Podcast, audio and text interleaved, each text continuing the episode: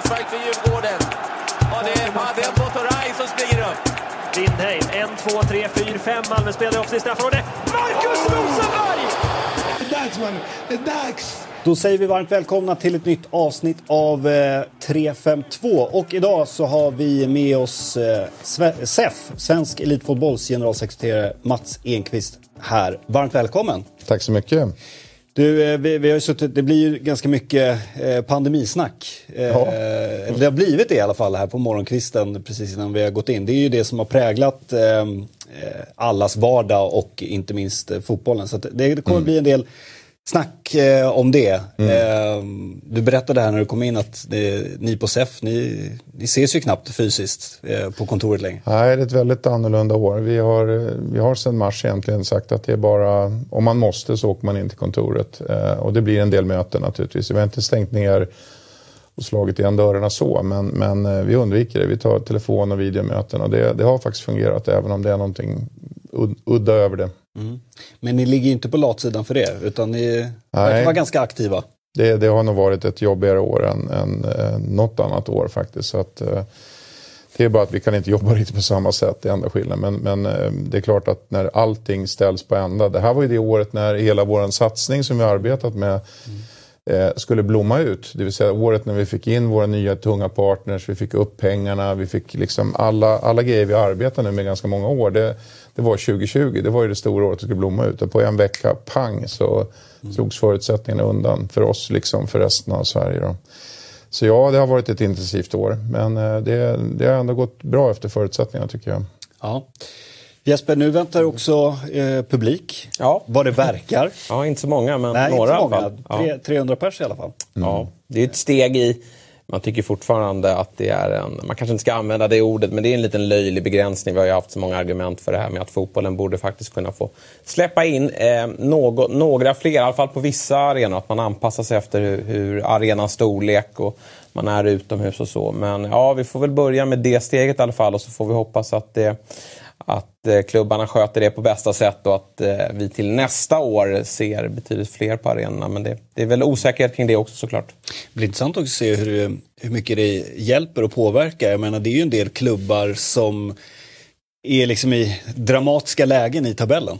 Ja, nej, men det blir intressant att se hur eh, respektive klubb agerar om man ställer ut delar av sin klack bakom målet för att eh, mm. trycka igång lagen eller om det blir partners, eh, sponsorer som får de här biljetterna eller inte. Så det blir intressant. Mm. Och AIK till exempel har ju sagt att det är, det är alla eller ingen. Mm. Eh, de har ju inte ändrat sig vad jag har hört.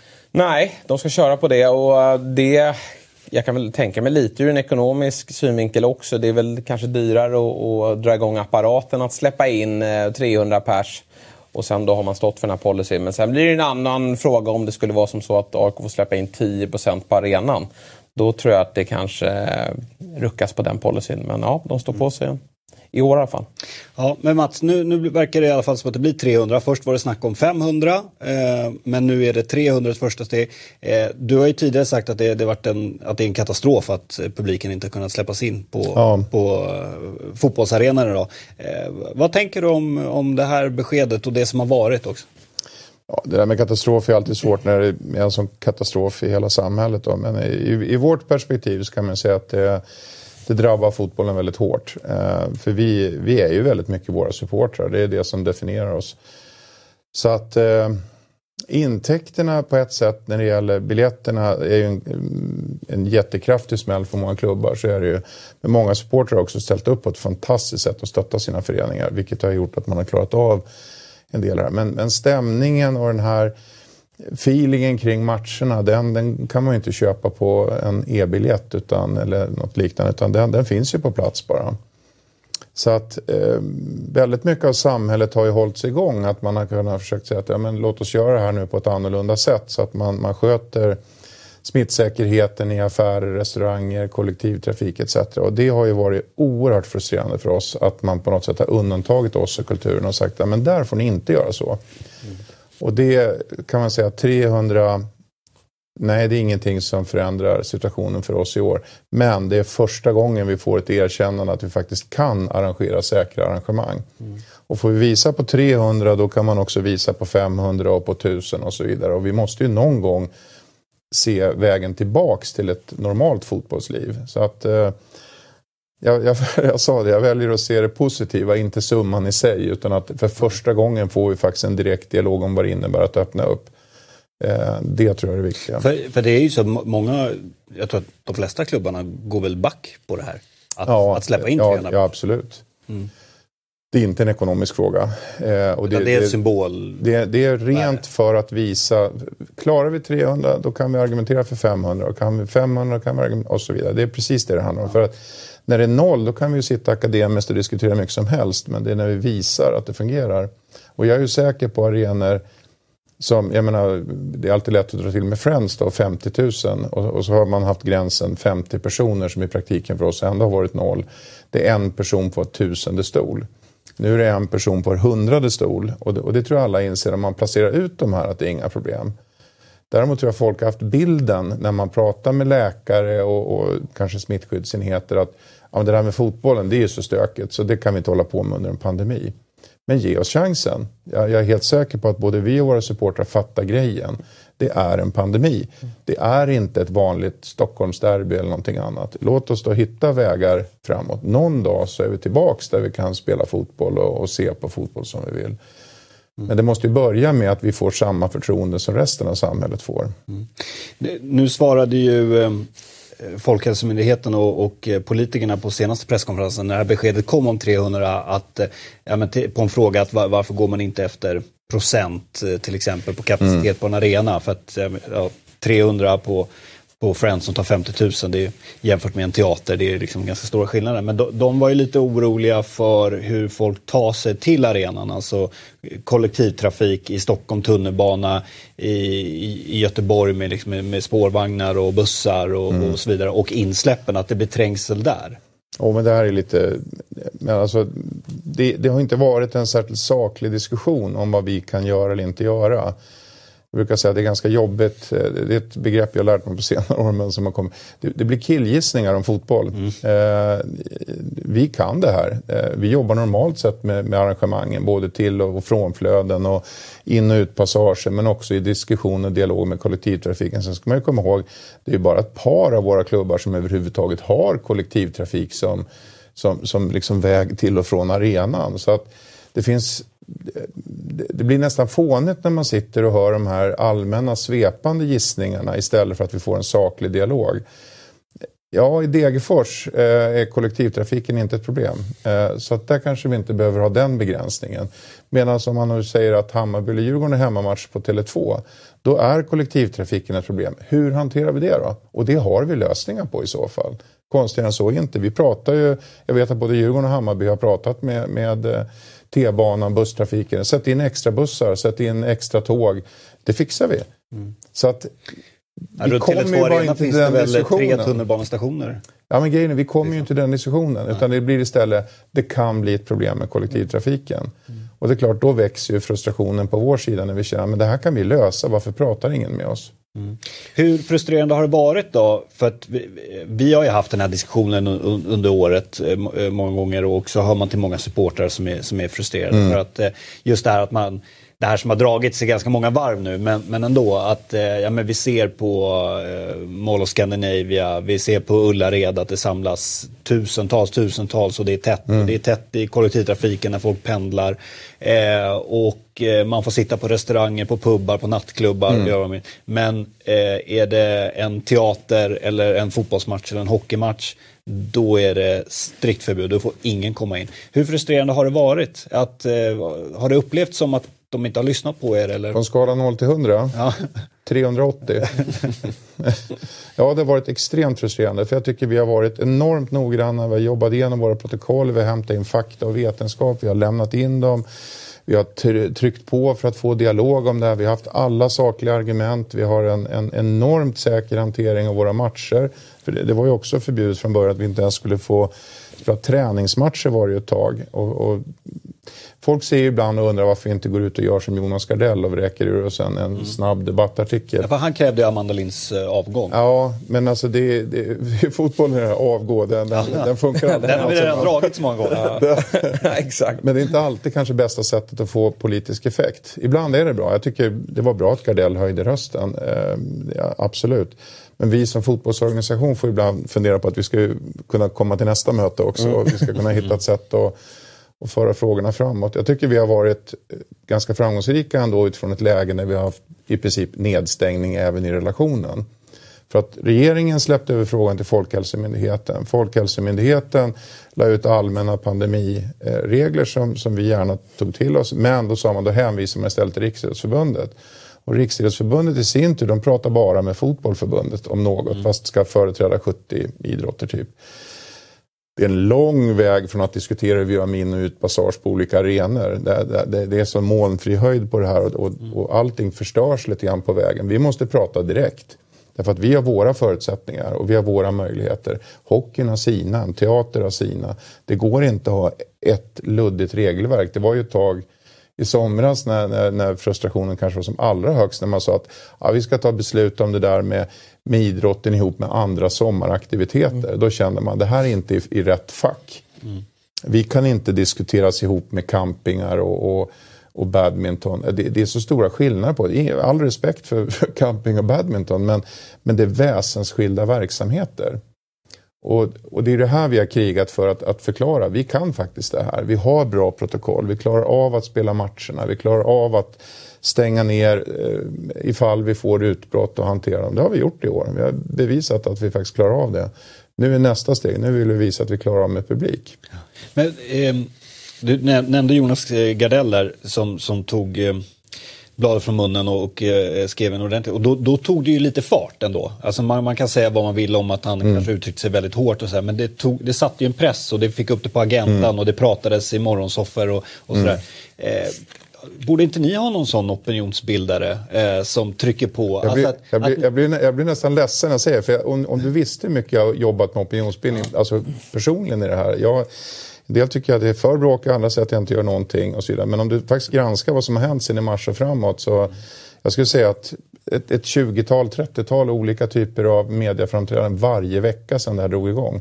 Och så får man hitta balansen eh, i hur man uttrycker sig och vad man trycker. Och då ska man säga allt som inte syns, det vill säga det arbete man gör direkt mot myndigheter, politiker och andra parter runt omkring. Det ser ni ju inte. Så att, eh, skillnaden är väl att vi, vi skrev inte en eller två artiklar när vi krävde en ministers avgång utan mm. vi har skrivit tusentals olika dokument, artiklar, eh, mediaframträdanden som det här till exempel eh, där vi pratar om frågorna och sakta får respekt och förståelse för sak. För att, men ibland behövs både och. Men, men jag tror att fotbollen ska inte gå ut och, och bara skrika avgå alla. Det, det, men du har förtroende för Amanda Lind. Hur tycker du hon har skött det här? Ja, men jag måste säga att då, när vi äntligen fick prata med Amanda Lind eh, så upplever jag inte att det är där problemet har suttit. Eh, jag tycker hon har varit både bra påläst och eh, jag upplever henne som snarast nästan generad över att, att det har blivit så här någonstans. Eh, så problemet ligger nog mer bakom henne. Att, att hon har inte mandatet att bestämma i de här frågorna. Nej. Och då faller det tillbaks på regeringen eh, och på kanske på en del i regeringen som inte träder fram alla gånger. Så att eh, man ska ju ändå minnas att Amanda Lind är miljöpartist och har kultur och idrott. Det är kanske inte där man kan gå in och sätta ner hela foten alla gånger. Nej. Eh, nu, nu är detta en jättestor fråga men, men tycker du att vi i Sverige borde ha någon minister som enbart riktar sig in på, på idrotten och lägger 100% fokus där och separera idrott och kultur? Tveklöst. Mm. Mm.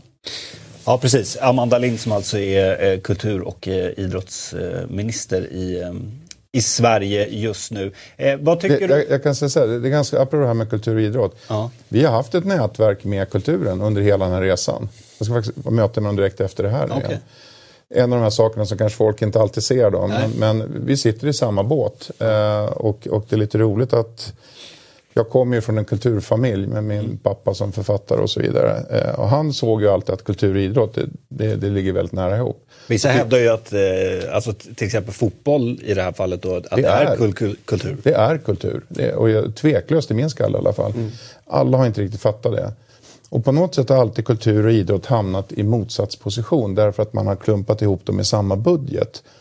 Man löste det under en period genom att kulturbudgeten inte blev i krig med idrotten tack vare att man delvis använde Svenska Spel för att trycka ut idrotten. Eh, Taktik från, från regeringens sida. Och man valde under en period att ha en särskild idrottsminister. Nu är man tillbaka i det att det, dels har Svenska Spel inte samma roll längre. Dels har man gått tillbaka att, att ha en kulturminister med ansvar för, för idrottsfrågor som är faktiskt en markering att idrotten inte är riktigt lika viktig. Det är, alltså, det är galet olyckligt. Har vi en idrottsfientlig regering? Inte fientlig, men jag skulle säga en, en ganska grovt idrottsokunnig regering tyvärr. Eh, många gillar idrotten och det är kul att komma på matcher och när folk tar VM-guld. Och, så det finns väl en, men, men jag tror idrotten idag är ett, ett mycket större maskineri eh, till stora delar antingen ideellt eller som i vår del då, kommersiellt självfinansierat som man faktiskt inte begriper sig på. Är, är, är vi generellt inom idrotten eller fotbollen som är världens och Sveriges största sport dåliga på att lyfta fram samhällsnyttan? Ja, det får jag nog säga. Vi, vi har ju börjat med det. Vi, vi har ju i SEF konstaterat att det här är ett jätteproblem. Så att vi har ju de senaste åren satsat rätt mycket på att försöka lyfta fram det. Och det är lite grann som att ha en tekopp och hälla vatten i, i Grand Canyon och hoppas att den blir full. Eh, behovet är enormt. Det här var självklart för en massa år sedan. När jag växte upp då var det självklart. Idrott var någonting bra. Och när mina föräldrar växte upp då, då var det liksom idla flickorna. Och det var ju så man byggde samhället. Det var med, med väl fostrade ungdomar med både fysisk och eh, annan skärpa. Men det har försvunnit. Och därför har vi använt bland annat Ingvar Nilsson som är en, en väldigt eh, välkänd etablerad nationalekonom och göra en del studier kring vad fotbollens nytta är. Och jag vet att förbundet tillsammans med Uefa har tagit fram en del sådana här, och det är ju, det är ju, det är ju sjuka värden. Vi, vi ser ju, Ingvar Nilssons rapport pekar den här fotbollen mitt i byn, bara om liksom hur man jobbar med att ta hand om folk. Den skrapar ändå bara på ytan eh, än så länge. Det, vi kommer gå vidare med. Men alltså det är ju miljardbelopp vi pratar om. Och, eh, så fotbollen idag, det var ju någon som sa men ni får ju bidrag nu under krisen. Och jag kan bli lite irriterad och säga men vi betalar faktiskt in mer i skatter än vad det här lilla bidraget är. Och vi betalar dessutom in allt det här samhällsvärdet så att skattebetalarna behöver inte vara oroliga. Ni gör fortfarande en grov förtjänst på, på fotbollen, bara elitfotbollen, det här året också. Trots att vi får en del tillbaka i, i, i stöd. Då. Så vi är en, vi är en nettobidragsgivare. Det måste vi bli bättre på att förklara. Ja, ja men för att, man kan ju få, jag, jag vet ju, du du har ju berättat mycket att ni, ni, ni gör mycket jobb för att eh, dels eh, hitta samarbete med olika myndigheter, debattera och vara, vara ute i media. Men det upplevs ju ändå som att fotbollen i synnerhet idrotten i allmänhet har lite svårt att argumentera med politiker och makthavare. Vi har haft Polismyndigheten tidigare med med den här villkorstrappan till exempel som ju ligger kvar även om den är lite på paus nu då. Och i det här fallet då politikerna och, och Folkhälsomyndigheten. Att, och det är en, en så stor rörelse att, att det ändå upplevs som att fotbollen har lite svårt att nå fram. Och, Ja, vi har inte, när jag pratar med mina kollegor i andra länder så kan jag konstatera att, att eh, fotbollen har en starkare särställning i andra länder än vad vi har i Sverige. Vi, vi är nog lite, eh, jag ska vet inte om man ska säga tillbakalutade, men jag tror, jag tror vi har varit lite för trygga i att, att vi finns där. Vi, vi behöver nog fundera, hela idrottsrörelsen och även då fotbollen som en del av den har inte så stark ställning i politiska prioriteringar idag som vi kanske borde ha tycker jag. Med tanke på hur viktiga vi nu faktiskt objektivt sett är och hur viktiga vi själva anser att vi är naturligtvis. Men nej, det behövs. Ehm, sen är det svårt. Jag, jag, jag har ju också varit ganska mycket ute i debatten om de här polisfrågorna och eh, Ena dagen så blir jag utskälld i media för att om inte Mats Enqvist fanns så skulle ju polisen vara mycket mer samtalsbara för jag är ju så bråkig och tycker saker om det här. Och nästa gång så säger de att vi bråkar alldeles för lite för att hade vi sagt ifrån då hade minsann och så vidare. Det är, en, det är en otroligt svår balansgång. Just nu är vi i en, i en bra fas hoppas jag. Eh, för nu är vi tillbaks och efter haveriet som började 2018 och sen definitivt syntes 2019 i den frågan så är vi faktiskt tillbaks och pratar och det, det brukar vara starten på det mesta. Så att, Det finns ju Rik, eh, Riksidrottsförbundet här också Mm. eh, i, i, i den här frågan. Eh, som, som representerar all eh, idrott i Mm. Sverige och Björn Eriksson som är ordförande där. Hur, hur tycker du de har hanterat? För de får väl, alltså de tar ju det största ansvaret eller ska representera all idrott och fotbollen och hockeyn och allt vad det är. Nej, men jag, jag sa det vid något tillfälle för att vara lite spetsig då. Eh, för det första är det ju faktiskt så att fotbollen ska representera sig själv. Punkt. Eh, mm. RF är ju mer en paraplyorganisation. Eh, så Björn Eriksson är ju inte chef för fotbollen, det ska man komma ihåg. Eh, men det, det vi hamnade i det här året som jag tyckte blev lite knepigt, det var att vi hamnade i ett läge i en kris eh, där regeringen lägger över väldigt mycket ansvar på myndigheterna. Eh, och då blir det framförallt två ska vi säga, riktiga myndigheter och, och en myndighet som inte är en myndighet. Det är polisen och det är naturligtvis Folkhälsomyndigheten och så blir det RF. Och ingen av de tre har ju som huvudsyfte att, att stötta oss i våran strävan. Och det blir lite konstigt då därför att vi tycker ju att vi är en samhällsviktig verksamhet som berör väldigt många människor. Och så undrar man, vem ska hjälpa oss? Och så får man en ganska, som det var ett tag i alla fall, en ganska tuff attityd från polisen att eh, om inte ni fixar det här själva så stänger vi ner er. Det, det var ju tonen under 2019 i alla fall. Om inte arrangören kan bli av med alla problem och det tänker inte vi lägga energi på, då kommer vi bara ta bort publiken tills, tills det slut är utan publik på arenorna. Och så tänker man, okej, okej, vad händer med det här att man ringer polisen när man behöver hjälp? Eh, den försvann lite grann. Och samma sak med Folkhälsomyndigheten nu. När vi har jobbat med våra protokoll och allt sånt där. Så sitter vi och lyssnar på presskonferens efter presskonferens. Man pratar om oss men man inte pratar med oss. Så vi, vi har haft svårt att, att nå fram. Och så tänker man, vad är myndigheten till för? Och då blir det lite samma sak med RF. Eh, det finns massor av bra saker i RF. Eh, det ska man komma ihåg. Och RF är otroligt viktig för stora delar av idrotten. Men idrotten är inte homogen. Och vissa sporter som till exempel elitfotbollen, då ska man inte säga hela fotbollen därför att majoriteten av fotbollen är ju en, en normal ideell verksamhet i traditionell idrottshänseende medan just våran verksamhet är, är självfinansierad kommersiell. Vi hittar ju inte riktigt rätt i RF-familjen. SEF till exempel som, som är arguably en av de största idrottsorganisationerna i Sverige med våra elitföreningar och hela den omsättning och hela den supporterkår som finns runt oss. Vi har ju inte ens en representation i RF. Vi har representation via fotbollsförbundet som, som på något sätt representerar helheten. Så frågan är, vad har RF för legitimitet som myndighet i just de här specifika frågorna? Den frågan tror jag man behöver reda ut ganska mycket framöver, för det syns under en sån här kris. Att sen RF har en, en ställning när man med SISU jobbar med distrikten, med föreningarna, när man jobbar med utvecklingsfrågor för de förbund som inte ser ut riktigt som vi gör. Då. Det, det har jag inga problem med. Men att en organisation ska företräda alla aspekter av all idrott.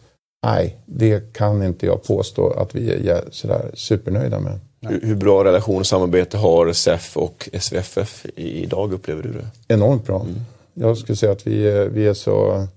Vi är ganska unika på det sättet. Vi har dels faktiskt väldigt bra relation med våra klubbar. Det har tagit sin tid. Och dels väldigt bra relation med förbundet. Det har också tagit sin tid. Men, men nej, vi, vi är... Alltså, vi har inte en enda konfliktfråga just nu. Utan att vi möjligen försöker reda ut sådana här... Hur gör vi med domarersättningar och alltså, sånt där sitter man ju alltid och för, förhandlar om. någon. Men, vi, är, vi är väldigt tajta. En annan het potatis där RF har kopplats in det är ju det här hur klubbarna har skött sin ekonomi då under pandemin med att eh, man har fått bidrag och så har vissa klubbar ändå gått ut och spenderat en, en, en del pengar på nyförvärv för att förstärka verksamheten. Vad är, vad är din syn på, så här. Jag tycker att det är lite olyckliga det blir när Björn Eriksson sätter tonen i det här. Eh, för det blir, Björn är en otroligt skicklig retoriker, det ska man ju minnas. Eh, så det, det får man verkligen ge honom. Jag tar två exempel. Det ena när pandemin började. Om du, om du tar branschföreträdare för handel och restaurang och andra verksamheter så säger de det är fruktansvärt, det är en pandemi, men vi ska visa att vi klarar av att göra det här säkert. Så vi kommer att hitta möjligheter för att göra det här och det är jätteviktigt att vi kan hålla verksamheten igång. Björn Eriksson gick ut och sa fruktansvärt med en pandemi, då kan man inte hålla på och kicka boll när folk dör. Där dog den debatten. Där, där var vi nedstängda i praktiken. Där vår högsta företrädare rimligen borde ha ställt sig upp och sagt det är klart som sjutton att idrotten ska ta ansvar. Och nu ska vi se till att vi gör inom varje idrott så att vi kan göra på ett, på ett smittsäkert sätt. För det hade vi gärna tagit emot som utmaning. Och sen blir det lite samma sak med de här pengarna. Och, och han, som sagt, återigen, han är en skicklig retoriker. Han säger eh, eh, det är klart när någon ger bort en miljard så har man rätt att tycka till om det.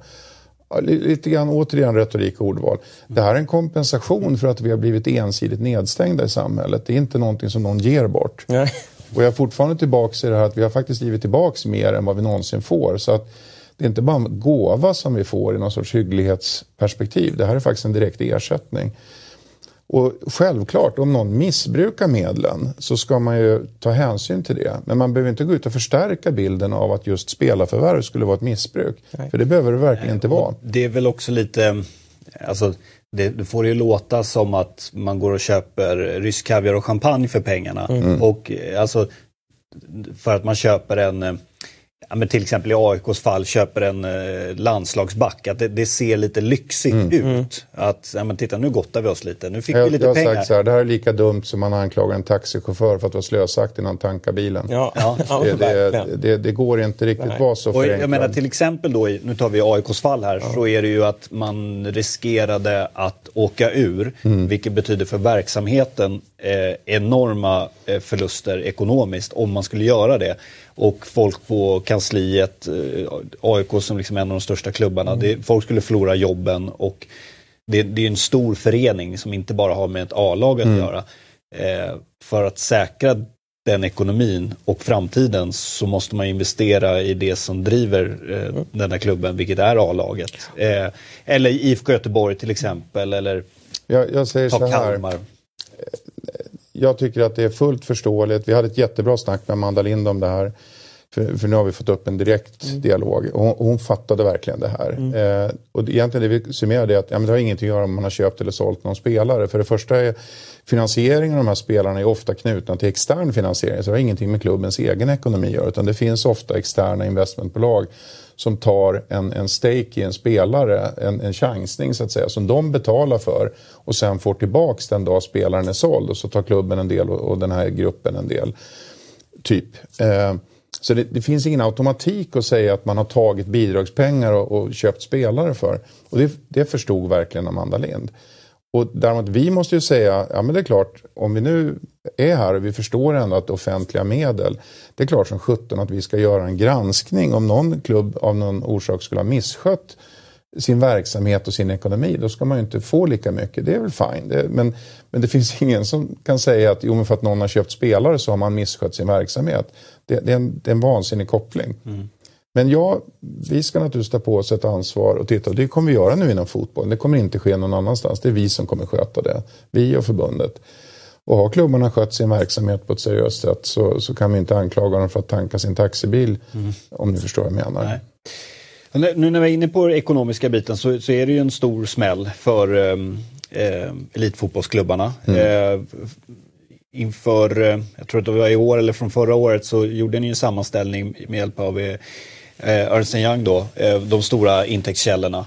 Eh, och eh, då ser vi det att eh, entrébiljetter det är 21 procent om man tar då från 2019. Eh, Tv-rättigheter är 11 procent, reklam och sponsring 23 procent, övrigt 45 procent där till exempel då eh, spelarförsäljningar ingår. Eh, exempelvis. Eh, men 21 procent här som faller bort. Det, Det är, och det är inte bara 21.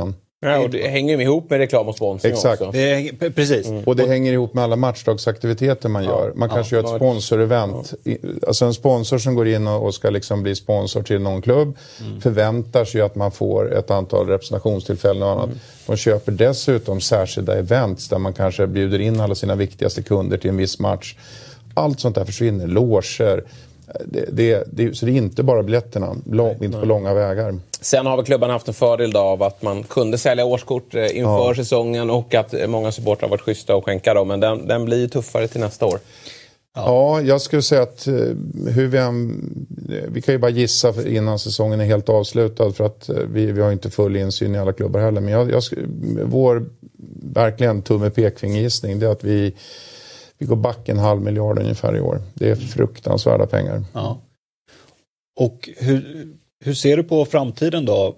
I början av den här pandemin så, så var det ju mycket domedagsprofetior att eh, ja, men, eh, det är få klubbar som kommer överleva. De, de flesta kommer mm. konka. Hur, hur, ser det ut inför till exempel nästa år? Ja, Överlever klubbarna? Jag, jag, tror vi klarar det här året.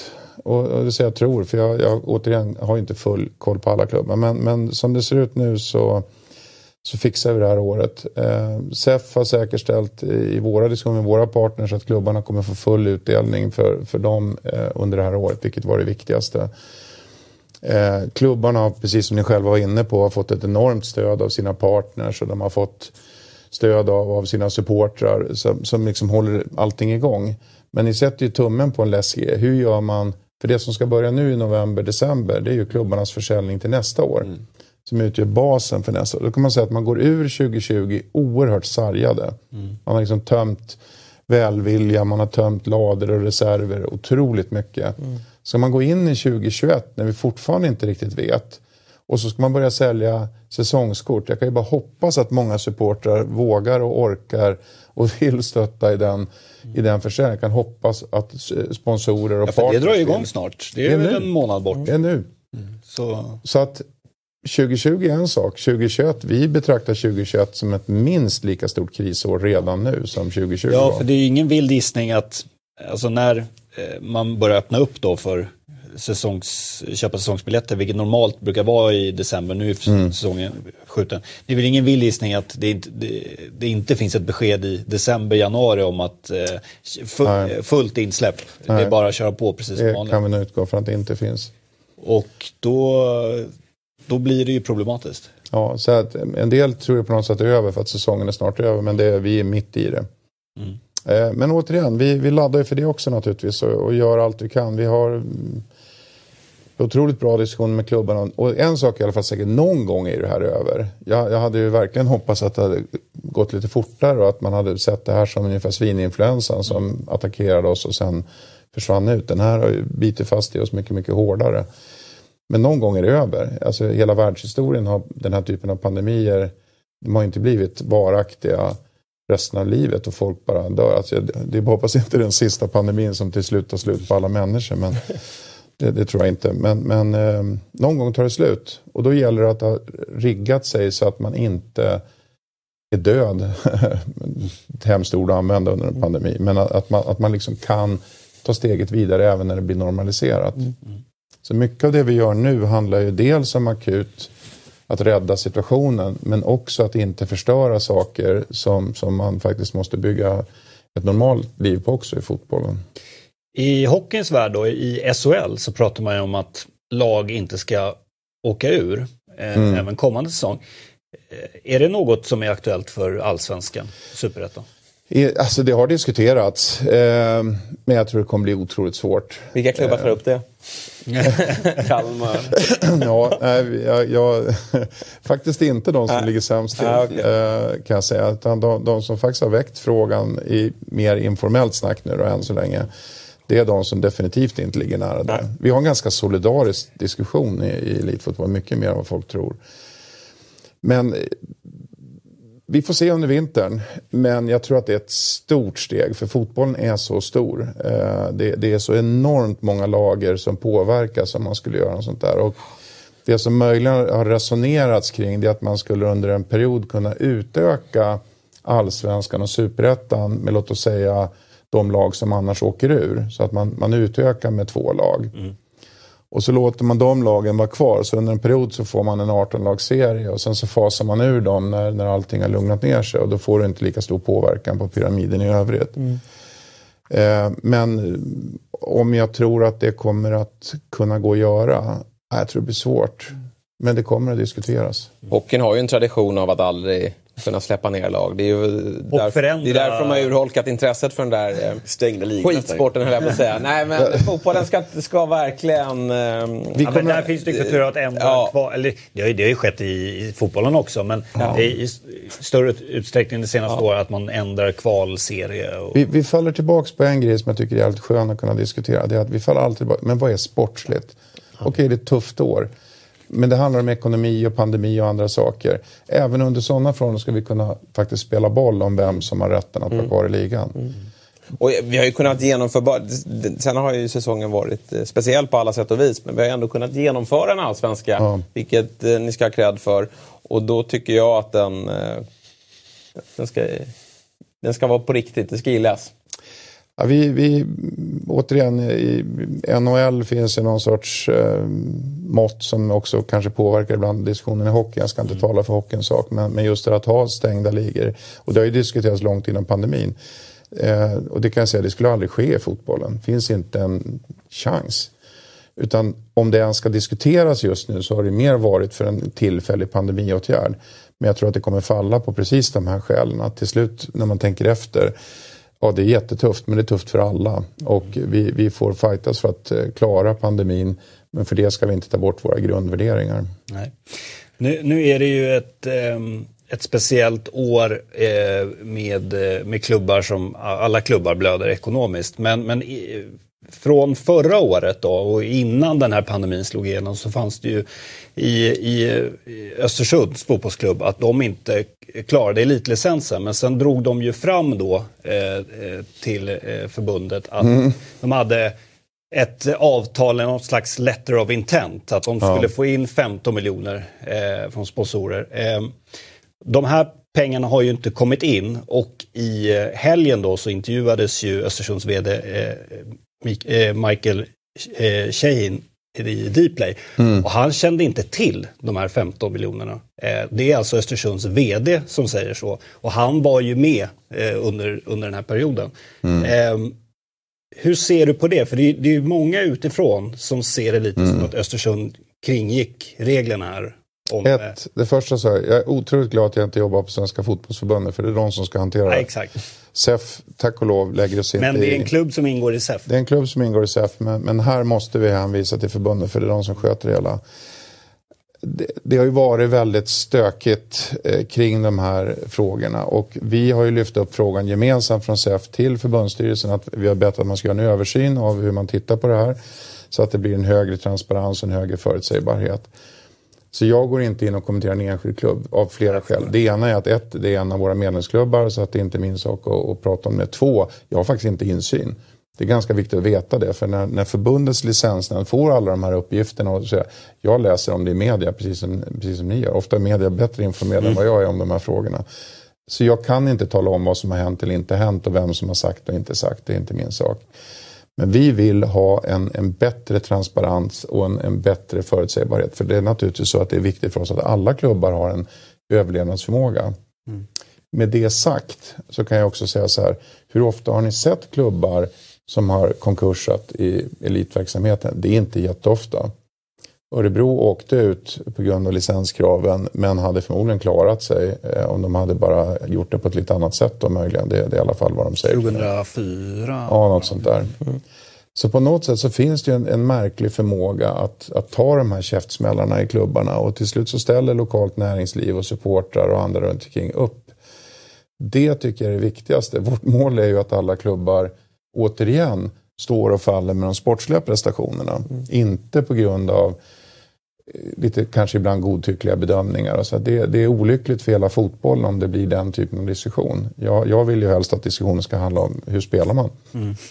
Hur, hur går diskussionen med elitlicenskravet 2020 och för 2021 nu med, med pandemins påverkan? Vi, vi, vi har lyft, eh, återigen, SEF lyfter då det till förbundsstyrelsen för det är förbundet som äger de här frågorna. Vi har bett om att förbundsstyrelsen ska ge en, ett medskick till, eh, eh, till eh, den här ekonomiska bedömningen som görs för elitlicensen och det har man gjort. Som säger att man ska ta särskilda hänsyn om det är covid-19 relaterade effekter, att liksom vara mer mild i bedömningen. Men att man inte ska låta det bli en ursäkt ifall klubbar har problem med sin ekonomi i övrigt. Och det blir ett otroligt grannlaga att försöka ta den. Men, men det har man kvitterat och sagt offentligt också från licensnämnden att det kommer man göra. Och det är så långt vi kommer tror jag. Och jag tror att det är klokt därför att man ska inte heller kunna ha liksom en, en förening med stora underliggande problem som, som dyker upp och säger men, ja, men det var ett covid-19 år så nu, nu får vi frisedel i två år eller ett år. Så jag tror det är en ganska bra balansgång. Förbundet brukar vara rätt kloka även om man får stryk ibland för det här. Så Ja. jag tycker att de sköter det ganska bra. Ska vi ta två saker som är kopplade till, till eh, själva sporten då? Eh, som är, det är två stora diskussioner. Eh, vi har ju dels eh, den här konstgräs, naturgräs slash hybriddiskussionen. Om vi tittar på tabellen, jag tyckte det var lite intressant, Robert Laud på Aftonbladet lyfte fram igår. Vi har ju Malmö FF då som spelar på eh, hybrid, alltså med, med naturgräs får man väl säga då. Men sen har du ju ett ganska tydligt skikt att det är, det är i, i den här märkliga säsongen, man kan lägga in ganska många brasklappar, det, det, det har sett märkligt ut och, och så här, ganska lite poäng bland topplagen och sådär. Men sen är det ju plastlag om man vill säga så, ända ner till nedre eh, delen av tabellen och botten och där har vi gräslagen. Vad tänker du om det och vad tänker du om att det är så mycket konstgräs uppe på elitfotbollen? Ja, Alltså det är en inflammerad fråga får man ju säga. Jag, Ja. Och jag kan ju säga att det är väl en, en typisk sån här fråga som man ibland får säga att ja, men, kan vi inte ägna energi åt någonting annat? För den här är inte så lätt att styra för någon part.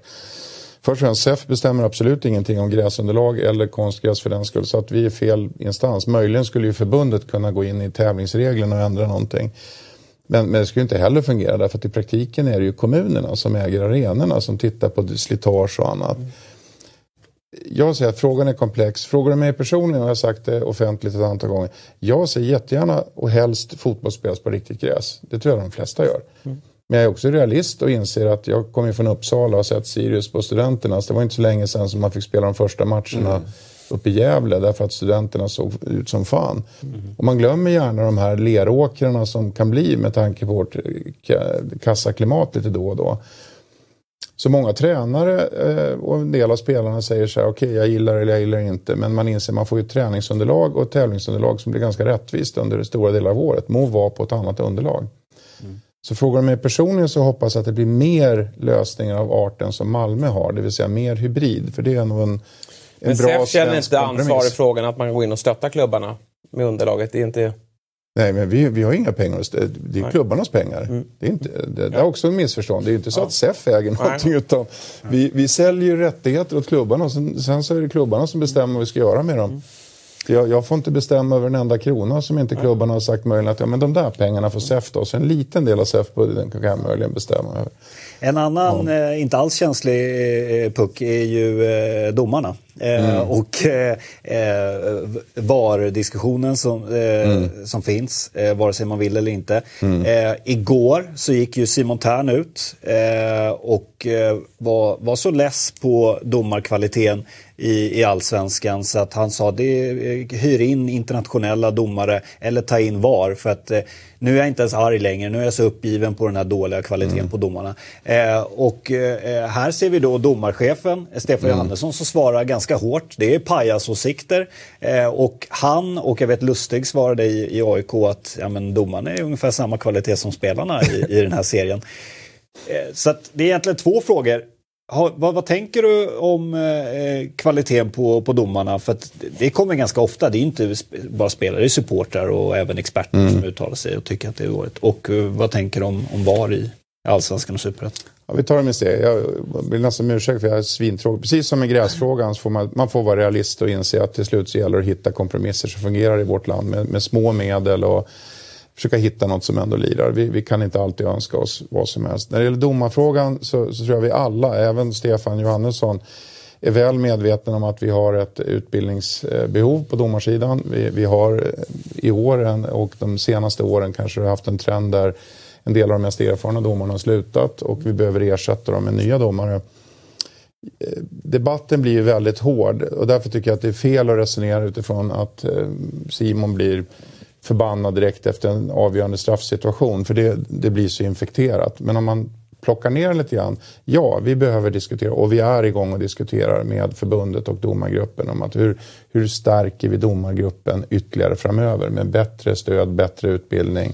För vi måste lyfta kvaliteten totalt sett. Det tror jag alla är överens om, även Stefan Johannesson eh, är, är väl medveten om det. Så vi behöver premiera de domare som vill satsa och vi behöver få ett bättre stöd dit. Sen kommer man till den här frågan om, om VAR. Internationella domare är jag inte så förtjust i därför att det är jävligt lätt att peka på internationella domare och sen när de kommer hit är de inte så jättebra heller alla gånger. Så att eh, Det tror jag inte. Vi, vi, vi behöver bara jobba upp eh, domar. Var en mycket knepigare fråga. Vi har ju valt att vara väldigt försiktiga. Återigen därför att vi har en viss respekt för att fotbollen faktiskt är en konservativ sport med starka värderingar som man måste försvara. Eh, jag kommer ju en gång i världen från teknikbranschen så att det kan vara skitkul att säga att vi fixar det och det och man har prylar överallt och så vidare. Men man får ju minnas också att fotbollens själ går inte att sätta en teknik på. Eh, det, det där lät flummigt kanske men, men någonstans kan man säga, okej okay, man pratar VAR. Jag tror nästan alla är överens om att man skulle kunna, om det var vettiga priser på det, införa goal line technology. Det är ytterst få som blir förbannade när man nämner goal line. så, så enkelt är det. Är det på väg in? Nej, inte än. Alltså, vi gör en utredning nu och eh, jag kan berätta hur vi har bestämt då. I samråd med klubbarna sa vi att nu gör vi en ordentlig studie. Vi tittar på för och nackdelar på, på VAR och då tittar vi på både tekniken och hur den tillämpas. Mm. För det är en jätteviktig fråga. Mm. Det är ju inte bara tekniken som är intressant, det är också hur man använder den. Inte minst i Premier League har vi sett en del fall där man liksom undrar okej, tekniken finns, men varför använder ni den på det här sättet? Ja. Eh, då kan man ju bli gråhårig bara av det som inte nödvändigtvis används på samma sätt i andra ligor. Och, och det kanske finns bättre tillämp. Så det är tekniken i sig och vilka områden man går in där och det hur man tillämpar det och sen naturligtvis utbildningsfrågan hur man får ut det här till domare, vilka funktionärer och vilka kostnader det medför.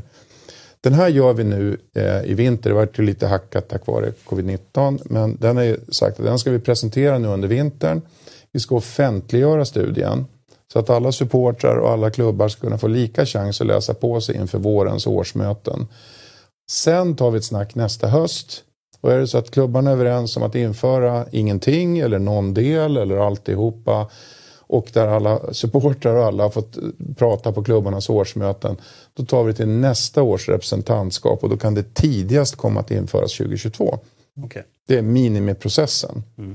Men jag tror att det är, det är skitviktigt att, att ta med det här vad är det vi vill uppnå? Är, är det en tånagelfel eller inte? Alltså, är det okej okay att det blir en del säger exakt rätt. Jag kan säga att det, det, blir exakt fel istället för ungefär rätt ibland. Alltså, man, man kan inte ta död på det här tävlingsmomentet som innehåller en viss grad av osäkerhet genom att sitta och räkna pixlar på, på enskilda kroppsdelar. Så att, Men nej, jag tror det är en ideologisk diskussion som ska till. Ja. Nej, jag håller med. Men om man ska ställa sig på den sidan som är eh, varförspråkare så är det väl också att man eh, kanske inte jag tror nästan ingen tror att man ska komma åt 100% rättvisa, men man kommer kanske lite närmare ja. rättvisan med VAR. Ja. Så menar jag. Då offrar man så otroligt mycket på vägen. Just det här med mitt största problem är ju att som supporter, mm. Ehm, eh, liksom, hela supporterskapet bygger på känslor och vid målfiranden och, och, situationer som sker på en plan när man uttrycker sig kraftfullt och mm. med, med, mycket glädje och sorg. Den biten försvinner ju väldigt mycket med VAR. Att man hela tiden ska sitta och vänta in en, en gubbe på läktaren som, mm. som ger beslut två, tre minuter senare. Så, Men domarna ja. verkar ju vara i Sverige. Verkar ju, nästan varenda domare ja. uttalar sig säger ja men kör på med VAR. Ja, lobbying det är lite att släppa ryggen fri. Alltså, jag förstår dem på ett sätt också. Med tanke på det klimatet som finns där ute idag med sociala medier och annat. Och, och de vill ha hjälp. Ja. Ja, men domarna har ju en väldigt utsatt situation. Och, eh jag är själv gammal eh, elitdomare i volleyboll som var min gamla sport för många kilo sedan och många år sedan. Eh, och jag vet hur svårt det är, men i volleybollen så hade man ju Sitter bästa... man inte upp i stolen då? Jo, sitter ja. upp i en stol eller står. ja. eh, man har överblick och så vidare. Och det är en helt annan sport. Men det är mycket sådana små grejer med touch och sådär ja. som kan vara jävligt knepigt. Och det är klart folk kan bli upprörda. Men jag, jag hade ju inte liksom 50 000 personer på läktarna som satt och jag hade inte HD-repriser på varenda domslut. Nej. Som sen valsade i sociala medier. Så att tack och lov eh, så, så kunde man vara en ganska bra domare utan att ha en aning om man egentligen hade dömt rätt. det, det är en hårdhänt beskrivning. Mm. Domarna har en tuff situation och jag har full respekt för att de vill ha, vill ha VAR för att kunna ha ett stöd. Jag säger innan vi tar ett beslut dit så vill vi vara helt överens om i så fall på vilka grunder vi gör. Inte bara ta den snabba lösningen utan jag kan tänka mig, ta bara en sån här sak som att man har ett, ett eh, vad är obligatoriskt utifrån Fifas perspektiv till exempel och IFABs perspektiv? Måste du ha ett, ett VAR-rum som sitter och detaljgranskar och så vidare? Eller kan man få ett, ett videogranskningsrum att fungera ungefär som assisterande domaren gör? Mm. titta nu, det där var fan straff. Mm. Som bara ropar i örat. Man ser aldrig, det är ingen som springer ut mm. och gör de här tecknen. Utan redan idag så har du ju ett, ett stöd som domare att, att dina funktionärer runt omkring kan ropa in i örat på dig. Det är ju en grej som kom för ett antal år sedan, det har inte funnits alltid. Mm. Kan VAR-systemet fungera så att någon som har ett extra öga med hjälp av det här också kan hojta in och ge? Det, det, det är ju en grej som jag tycker det skulle vara ganska snyggt. Då går man ju inte liksom stannar, går av, tittar, backar Rita. fem händelser. Utan att, alltså att live helt enkelt bara få en extra, ett extra stöd. Det tycker jag personligen skulle kunna vara intressant. Mm. Och sen kanske mer exakt bedömningar för, för mållinjen, det kan jag förstå. Mm. Men allt det där måste vi prata ihop oss om. Mm. Jag, jag, förstår ju Simon Terns frustration här för att vi kan ju alla vara överens om att det där borde varit straff. Goitom sa ju efteråt att det där skulle varit straff när han drar ner eh, Kastegren. Mm. Ehm, eh, och sådär. och det, det, är ju potentiellt två extra poäng i en kamp om en Europaplats ja. och, och, och, så vidare. Eh, men, men samtidigt då, nu är ju VAR som allt annat egentligen i en utvecklingsfas. Men vi har ju sett situationer, just som de där, mm. i Premier League, ja. som man inte tittar på. Nej. Och då blir man ju, börjar man klia sig i huvudet och tänka så här, men, men ni tittade ju på den där eh, millimeter mm. offsiden mm. där ögonbrynet var offside. Mm. Men ni tittar inte ens på den där. Nej. Nej, alltså jag förstår ju Terns frustration då att han upplever att Norrköping då har blivit eh, eh de, de, har fått många mer domslut emot sig än, än för. Då. Och att det till slut lite rinner över för honom. Eh, och jag håller med om att det här med att det jämnar ut sig, det gör det ju inte alltid under en säsong. Utan vissa lag tar mer stryk. Men det här med att man ska ta in internationella domare och VAR, för, vi som följer, för oss som följer internationell fotboll, det är ju helt fel väg att gå. För att vi ser ju att de har enorma problem ute i Europa. Jag skulle säga att domarna är sämre där ute än i Sverige. Så att, eh, jag Kolla helt... frustrationen på de lagen som spelade Europa League och Champions League-kval. Ja. Eh, det var internationella ja, domare. Ja. Nej, vi har precis samma bild.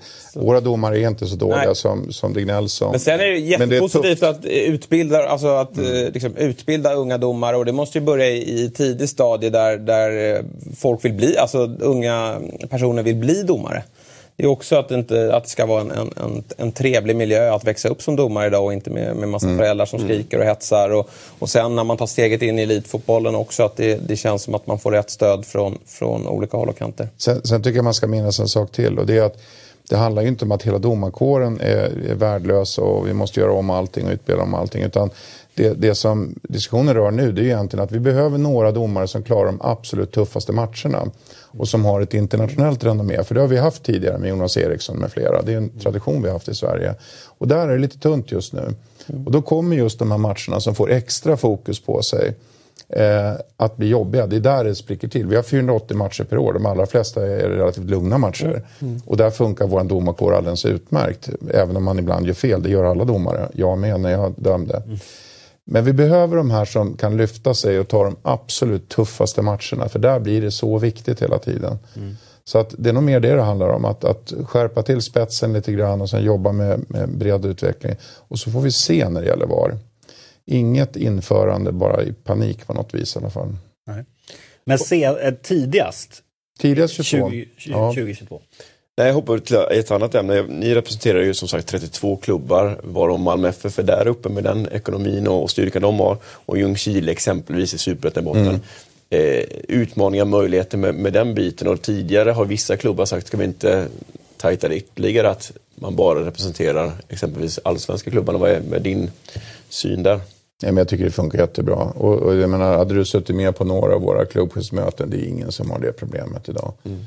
Det, det, är någon gång ibland när man diskuterar fördelningsfrågorna som, som bandet sträcks ut lite grann. Men, men även där har man en, en jäkla bra solidaritet och förståelse för honom. Så att, eh, SEF-modellen funkar väldigt bra just nu. Jag ser ingen som egentligen väcker frågan om att man skulle dela upp den eller göra en liga med bara topplagen eller något sånt där. Det, det lyfts inte. Mm. Som ni kanske förstår så blir det inte lika mycket eh, dissekerande i, i matcherna i, i det här avsnittet. Men eh, vi, vi ska ju titta på resultat som har varit och eh, hur eh, tabellen ser ut nu för att Eh, Malmö tog ju en, en ny seger mot eh, eh IFK Göteborg och stärker sin eh, serieledning. Det höll ju nästan på att bli lite, lite spännande i, i den där guldstriden som inte riktigt finns. Men, eh, men toppstriden lever ju i allra högsta grad och så har vi ju då Djurgården-Häcken mm. som möts eh, nu i veckan, den här matchen som blev mm. eh, uppskjuten. Ja, det är väldigt, och det vill jag passa på att fråga, hur, eh, hur bra kollar du på den här nya Conference League som kommer? För det är ju det som gäller från och med nästa år. Hur mycket sämre rent ekonomiskt är det att kvala in där än till Europa League? Men alltså det är ju en, det är en tredje nivåsliga. Ja. Det, det är bara att konstatera. Vi, vi har inte varit förtjusta i det här systemet och mm. om man nu ändå ska göra det här systemet så, så måste det ske en helt annan solidaritetsfördelning av pengar. Det, det här har varit en kamp som Lars-Christer Olsson, vår ordförande, har drivit väldigt hårt från European League. Så att, att det här är åt skogen, rent ja. ut sagt. Mm. Det har varit ett sätt att befästa de redan rika. Mm. Punkt. Ja. ja. men det är lite så jag upplever också. Det blir den här ständiga diskussionen inför hösten att Europakamperna blir så intressanta. Men hur, hur lockande är det att sticka iväg på de här matcherna mot eh, sämre Europamotstånd. Sen kan man ju många klassa att de svenska klubbarna är sämre Europamotstånd också. Men, men att slita hårt där under sen sommar, höst för väldigt lite pengar och någonting som tar fokus från en guldstid. Jag är inte så övertygad om att eh, de stora vinnarna blir de som slutar två och tre i Allsvenskan i år. Nej, då blir ju, första platsen blir ju nu ännu ännu viktigare. Det innebär ju fortfarande ja. en Champions League-plats mm. och sen då Europa League om man eh, trillar ner och, och eh, förlorar eh, kvalet där. Eh, men eh, Johan, om vi, om vi börjar vid eh, toppstriden här då. Eh, mm. Även om det då eh, bara handlar om eh, Europa Conference League-platser här då. Så eh, det är, ju, det är ju ganska låga poängskördar men det är ändå extremt spännande. Ja det är det verkligen. Och Djurgården som vi någonstans, eller jag kanske räknar ut, så här, fan, de har inte sett så bra ut. De vänder mot Malmö de står för en fantastiskt stark insats mot Sirius där de pressar sönder Sirius. Där. Jag skulle nog hävda att det är säsongens bästa insats av Djurgården. Ja, det kan det säkert vara. Du har kollat mer matchen än mig. Men, men Sirius som är en uppstickare och uh, spelat en bländande fotboll, de blir helt överkörda så att Rydström tvingas byta system efter 27 minuter och byta ut två spelare. Mm. Så, det, så det var ju... DIF gjorde ju kaos med, med Sirius kortpassningsspel eh, och nu möter ju, det blir intressant med Häcken som du säger, tar Djurgården-Häcken så har man Falkenberg som förvisso slåss för sitt liv men kvaliteten som Djurgården har är mycket bättre. Så, så det, andra platsen är vigd för, för, för Djurgården så som jag ser det i dagsläget. Ja, det blev lite resultaten, den här omgången gick ju Djurgårdens väg mm. med, eh, med Häcken då som de möter som kryssar mot Mjällby, Elfsborg som kryssar mot Varberg och Norrköping då som kryssar mot eh, mot AIK. Ja. Och, och Norrköping som har, jag tror de sa det igår på, på Dplay, att de har ju sju raka se, eh, matcher på hemmaplan utan att man har, har segrat. Ja, då ser man ju Norrköping, nu är det ju ingen publik så att den där mm. hemmaplansfördelen försvinner lite men Norrköping är ju ett erkänt bra hemmalag. Mm. Men det är, ja, det är ett märkligt år som sagt. Ja, jag tyckte Haksabanovic sa det, nu hoppar vi lite mellan matcherna, men jag tyckte Haksabanovic sa det ganska bra efter matchen att det som har varit efter den här rejäla formdippen som kom i somras efter Norrköping eller flyget var ju att de tappade ju modet och självförtroendet. Alltså de är ju, det är ju extremt bra fotbollsspelare. Och att mm. de ska ju bara ut och köra och, och tro, tro på sin grej. Det, mm. det, där hör man ju ofta, men för Norrköping så, så stämmer det verkligen att det, de har blivit lite väl försiktiga. Mot AIK igår tyckte man såg det lite grann. Ja, de, tendenser de... av det. Sen är ju AIK också ett av de bästa försvarslagen just nu. Så mm. det, det, det, är inte helt enkelt. Men när Norrköping får upp den där ångan mm. och det bara flyter, då är de ju... Eh, ja, de behöver väl ha lite längre perioder i matcherna när de är dominanta och eh, utnyttja det också. Sen när de är lite, det är klart man inte orkar pumpa så i 90 minuter, men när man ja, periodiserar och slår lite på takten, då, då, får man inte bli straffad hela tiden heller, vilket eh, Norrköping eh, blir i den här matchen tycker jag. För ett stundtals så är ju faktiskt AIK rejält nedtryckta av eh, Norrköping och de, de kommer verkligen från båda, från, från båda kanterna med Levo och Haksabanovic. Men så mm. faller de ner lite och, och där har AIK mer självförtroende än vad de hade tidigare och lyckas. Sen är det klart att det kostar när en sån som Nyman får, får kliva av banan och man har inte något, som jag ser det, fullgott alternativ. Nej, och återigen kanske, ja, kan vi nämna att det är en misslyckad värvning av Hallenius som man la mycket pengar på i sommar. Mm. Och vi har knappt sett honom på planen. Och sen har vi Hammarby som har fått upp ångan också.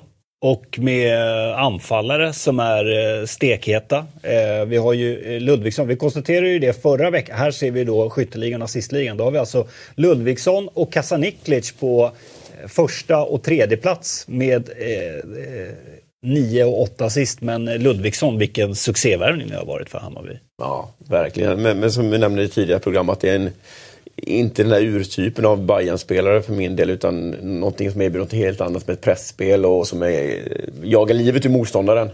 Eh, grym värvning av Jeppe, Jeppe Jansson får vi säga. Du nämnde ju också att Norrköping inte har varit starka på hemmaplan. Eh, Örebro, fem raka eh, hemmasegrar och vi ser där eh, på delad andra plats Nahir Besara har alltså 11 plus 3. Eh, stod för 2 plus 1 här. Att ingen större klubb har plockat Nahir mm. Det är märkligt. Vi får se. Han har utgående kontrakten nu. Om det blir en vända till ute i Europa. Han sitter i ett väldigt fint förhandlingsläge. Jag har svårt att se att Örebro ska lyckas behålla honom. Men ett bra val får man ändå säga av Basara. Att ändå vända hem till Örebro. Vi ryckte ju lite på, på ögonbrynen där i somras. Vi tyckte att det skulle vara en bättre klubb redan då. Men just där få lite lugn och ro och veta vad... Han, han liksom har bra kontakt med Kjell sen tidigare. Och vet vad han kan prestera i Örebro. Så att, eh, ja, spännande fönster för honom att vänta. Jag tror att fler allsvenska klubbar i, i toppskiktet då bör vara intresserade. Men det kan nog vara ännu bättre klubbar än så. Som... Tillbaka till Hammarby i vinter? Ja, ja kanske. Det hade ju varit en... Hammarby verkar göra en lite storstädning här också i, i vinter mm. om man får tro på ryktena. Och då kanske det finns plats för eh, Besara att vända tillbaka.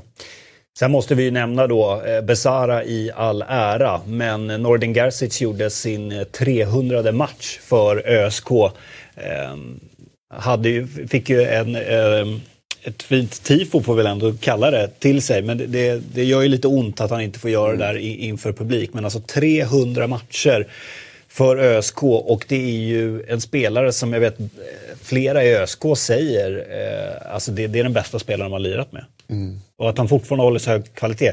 Hoppas för hans skull, nu blir det lite liksom känslomässigt mer än liksom sportsliga, hoppas att han får förlängt. Så att han får Eh, avtackningen av publik nästa år. Känns som okej om ett år till. Nej, men han, håller, han, håller ju. spelar ju vecka ut och vecka in och håller ju och har en hög, hög högsta Och det är kul med sådana här spelare som blir lite kulturbärare i sin klubb för det är inte så vanligt vi ser det längre med att vi får upp eh, antalet 300 matcher. Det är väl Henke Rydström och några till som, som lyckas med det men annars är det ju unikt. 2007 tror jag var han gjorde eh, debut mot Malmö FF har jag för mig, ett inhopp. Sen gick han ju till Real Blåvitt där. Ja exakt, han hade vänt det. hade kunnat vara ännu fler matcher för Örebro men det är klart att han var sugen på att prova på det. Eh, såklart eh, är det ju så. Eh, om vi tittar på eh, tabellen igen då och tittar på bottenstriden så var det ju den här dramatiska matchen mellan eh, Kalmar FF och Falkenberg. Mm. men det var ingen som ville ta den där tre poängen.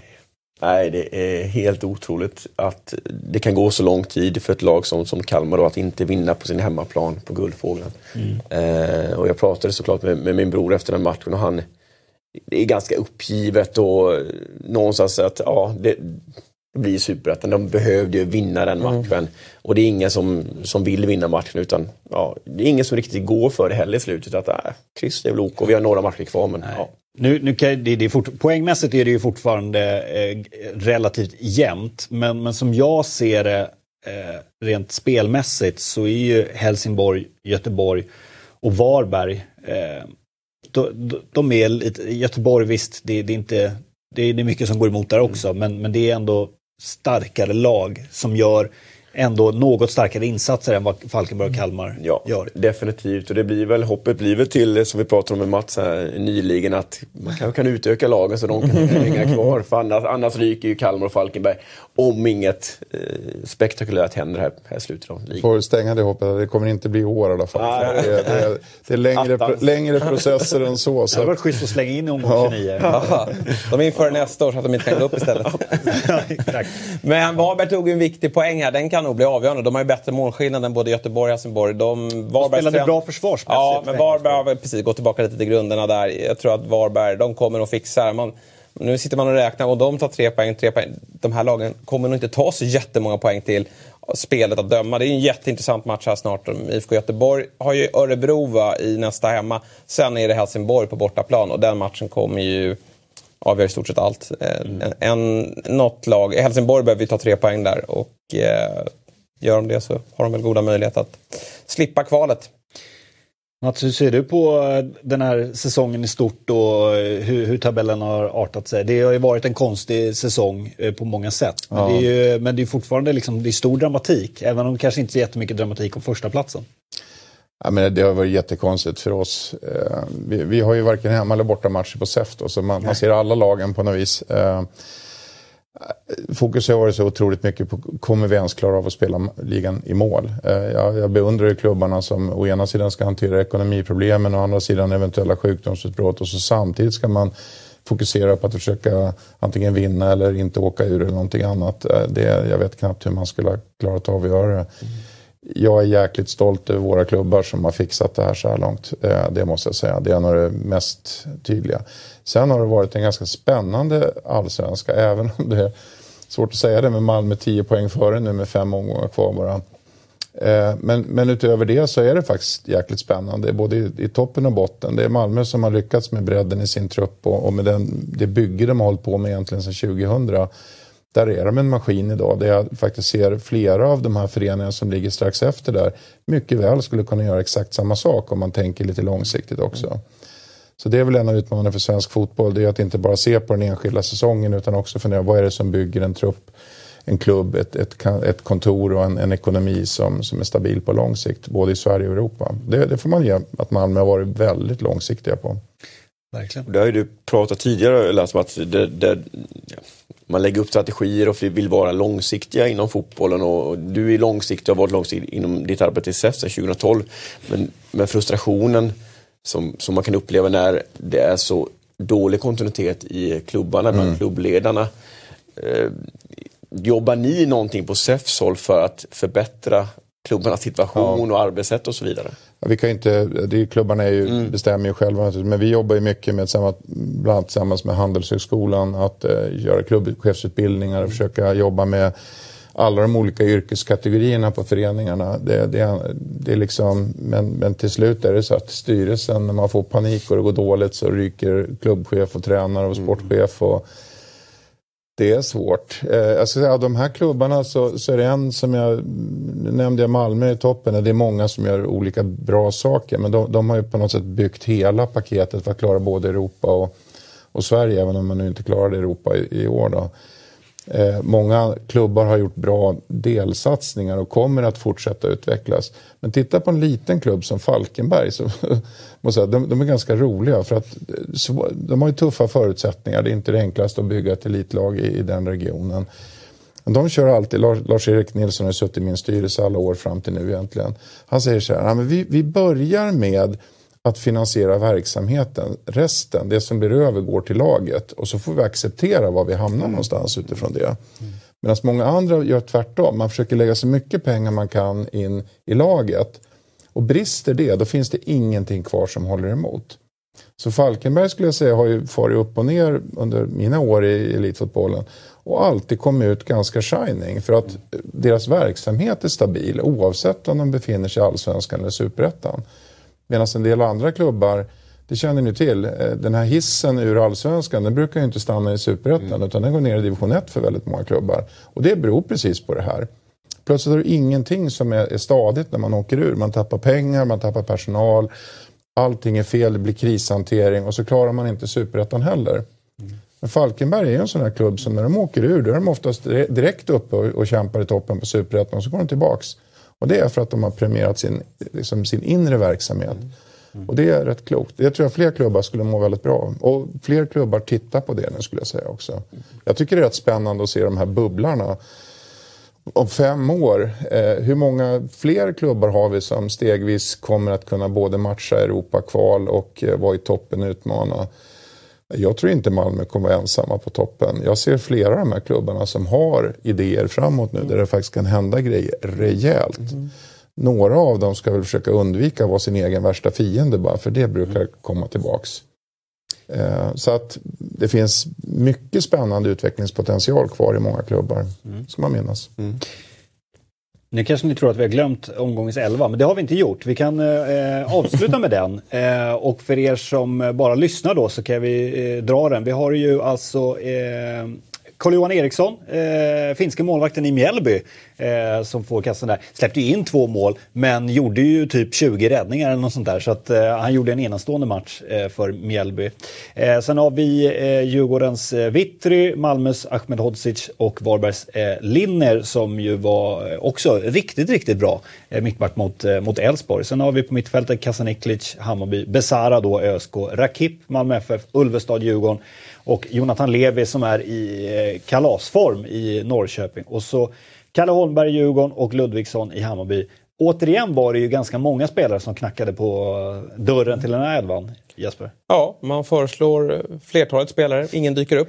Det är, Det är redak Ja. redaktionsfabbe där. Ja. Stenhård. Han frågar vilka vill ni ha? Precis. Nej, de blir det inte. Och så... Nej, exakt. Man väljer bort dem direkt. kul, kul att du vill ha dem. Ja. men- Nej, men det här är ju, jag håller med på många spelare. Bra elva. Djurgården gör en riktigt bra match. Så det är klart att de ska med tre gubbar. Och eh, Haksabanovic hade faktiskt kunnat få göra en comeback i eh, omgångens elva. Tycker jag. jag tycker han var riktigt bra mot, mot AIK. Men ja, det är svårt att gnälla på de där gubbarna också. Så är det. Vi kan ju titta också på kommande eh, matcher där. Vi har ju alltså två hängmatcher som spelas nu eh, mitt i veckan med Häcken, Djurgården och Sirius, AIK. Och när de har spelat så har vi då en eh, fullständig 25 omgången tabell. Och sen väntar ju då eh, Elfsborg-Norrköping som blir ju extremt spännande om vi tittar på toppen. Eh, och vi har ju eh, också ett Skånederby, eh, Helsingborg-Malmö. Och framförallt så har vi ju eh, eh en omgång från första november här där publik då ska få släppas in. Ja, vi hoppas ju det. För att Det är inte 100 procent. Ja, man ska minnas en sak. Först sköts frågan till FHM. FHM kastade över den till RF och och vi fick liksom inga riktiga svar. Nu är den tillbaks på regeringsnivå och så strandar den där, gick över till FHM igen, kom tillbaks till regeringen, nu är det 300 med medskicket att man ska lyda regionala smittskyddsråd. Jag är ju Uppsalabo. Så att eh, i mitt fall så är just de regionala bestämmelserna att det är ytterst tveksamt om Dalkurd FF. Dalkurd och Sirius troligen inte och man snackar i Skåne om att man gör så att nu måste vi etablera diskussionen med de regionala råden istället för att visa hur vi ska kunna göra ett säkert evenemang. Så att de- den här tvålen som åkte runt i badkaret är inte säkert på att den har stannat upp än. När, när kommer eh, alltså slutgiltigt besked då för klubbarna? För att, jag, många eh, har ju sagt att de kommer lotta bland säsongsbiljettsinnehavare. Eh, och, och de i sin tur måste ju veta om de kan gå på matchen eller inte. Ja, jag önskar jag visste. Ja. Det, just i och med att man la över det här nu på regionalt. Eh, jag har inga svårigheter om vi ser att det skulle vara dåligt att köra en match och så är vi de första att stänga ner. Så det, det är inga konstigheter. Men det finns ju en risk att vi är tillbaks i det här att eh, andra sommaraktiviteter inte ska, när, när det är problem på krogarna så, så stänger man fotbollsmatcher för att det går att göra det. Eh, så att vi, vi vet faktiskt inte riktigt än. Så att återstår att se. Och det, alla klubbar pratar nu lokalt då med, med, sin, eh, med sina smittskyddsenheter och de tittar på de lokala råden och med polisen. Så vi får se. Ja, precis. Eh, på söndag är det ju alltså då eh, första november. Så att, eh, på lördag måste det ju komma ett besked i alla fall. Jag hoppas det. Ja. Men, men alltså återigen, det, jag, jag vet faktiskt inte säkert. Nej. Tyvärr. Då får vi, blir det spännande Eller, eller vänd på det.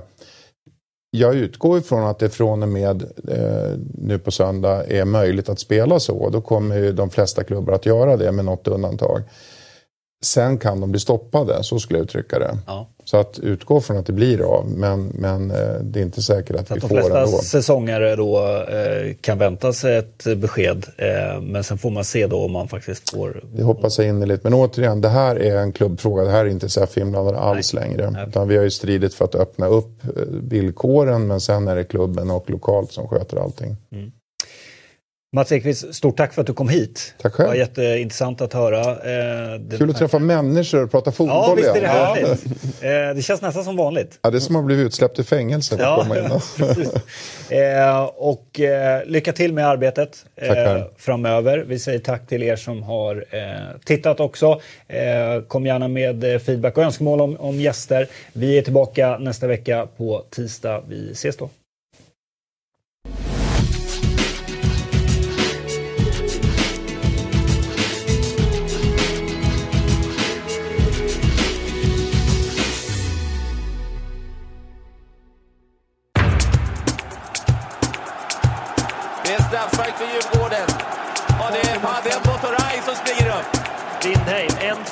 4, 5 Malmö-spelare också i straffområdet. Marcus Rosenberg! Dags mannen, det är dags! Zlatan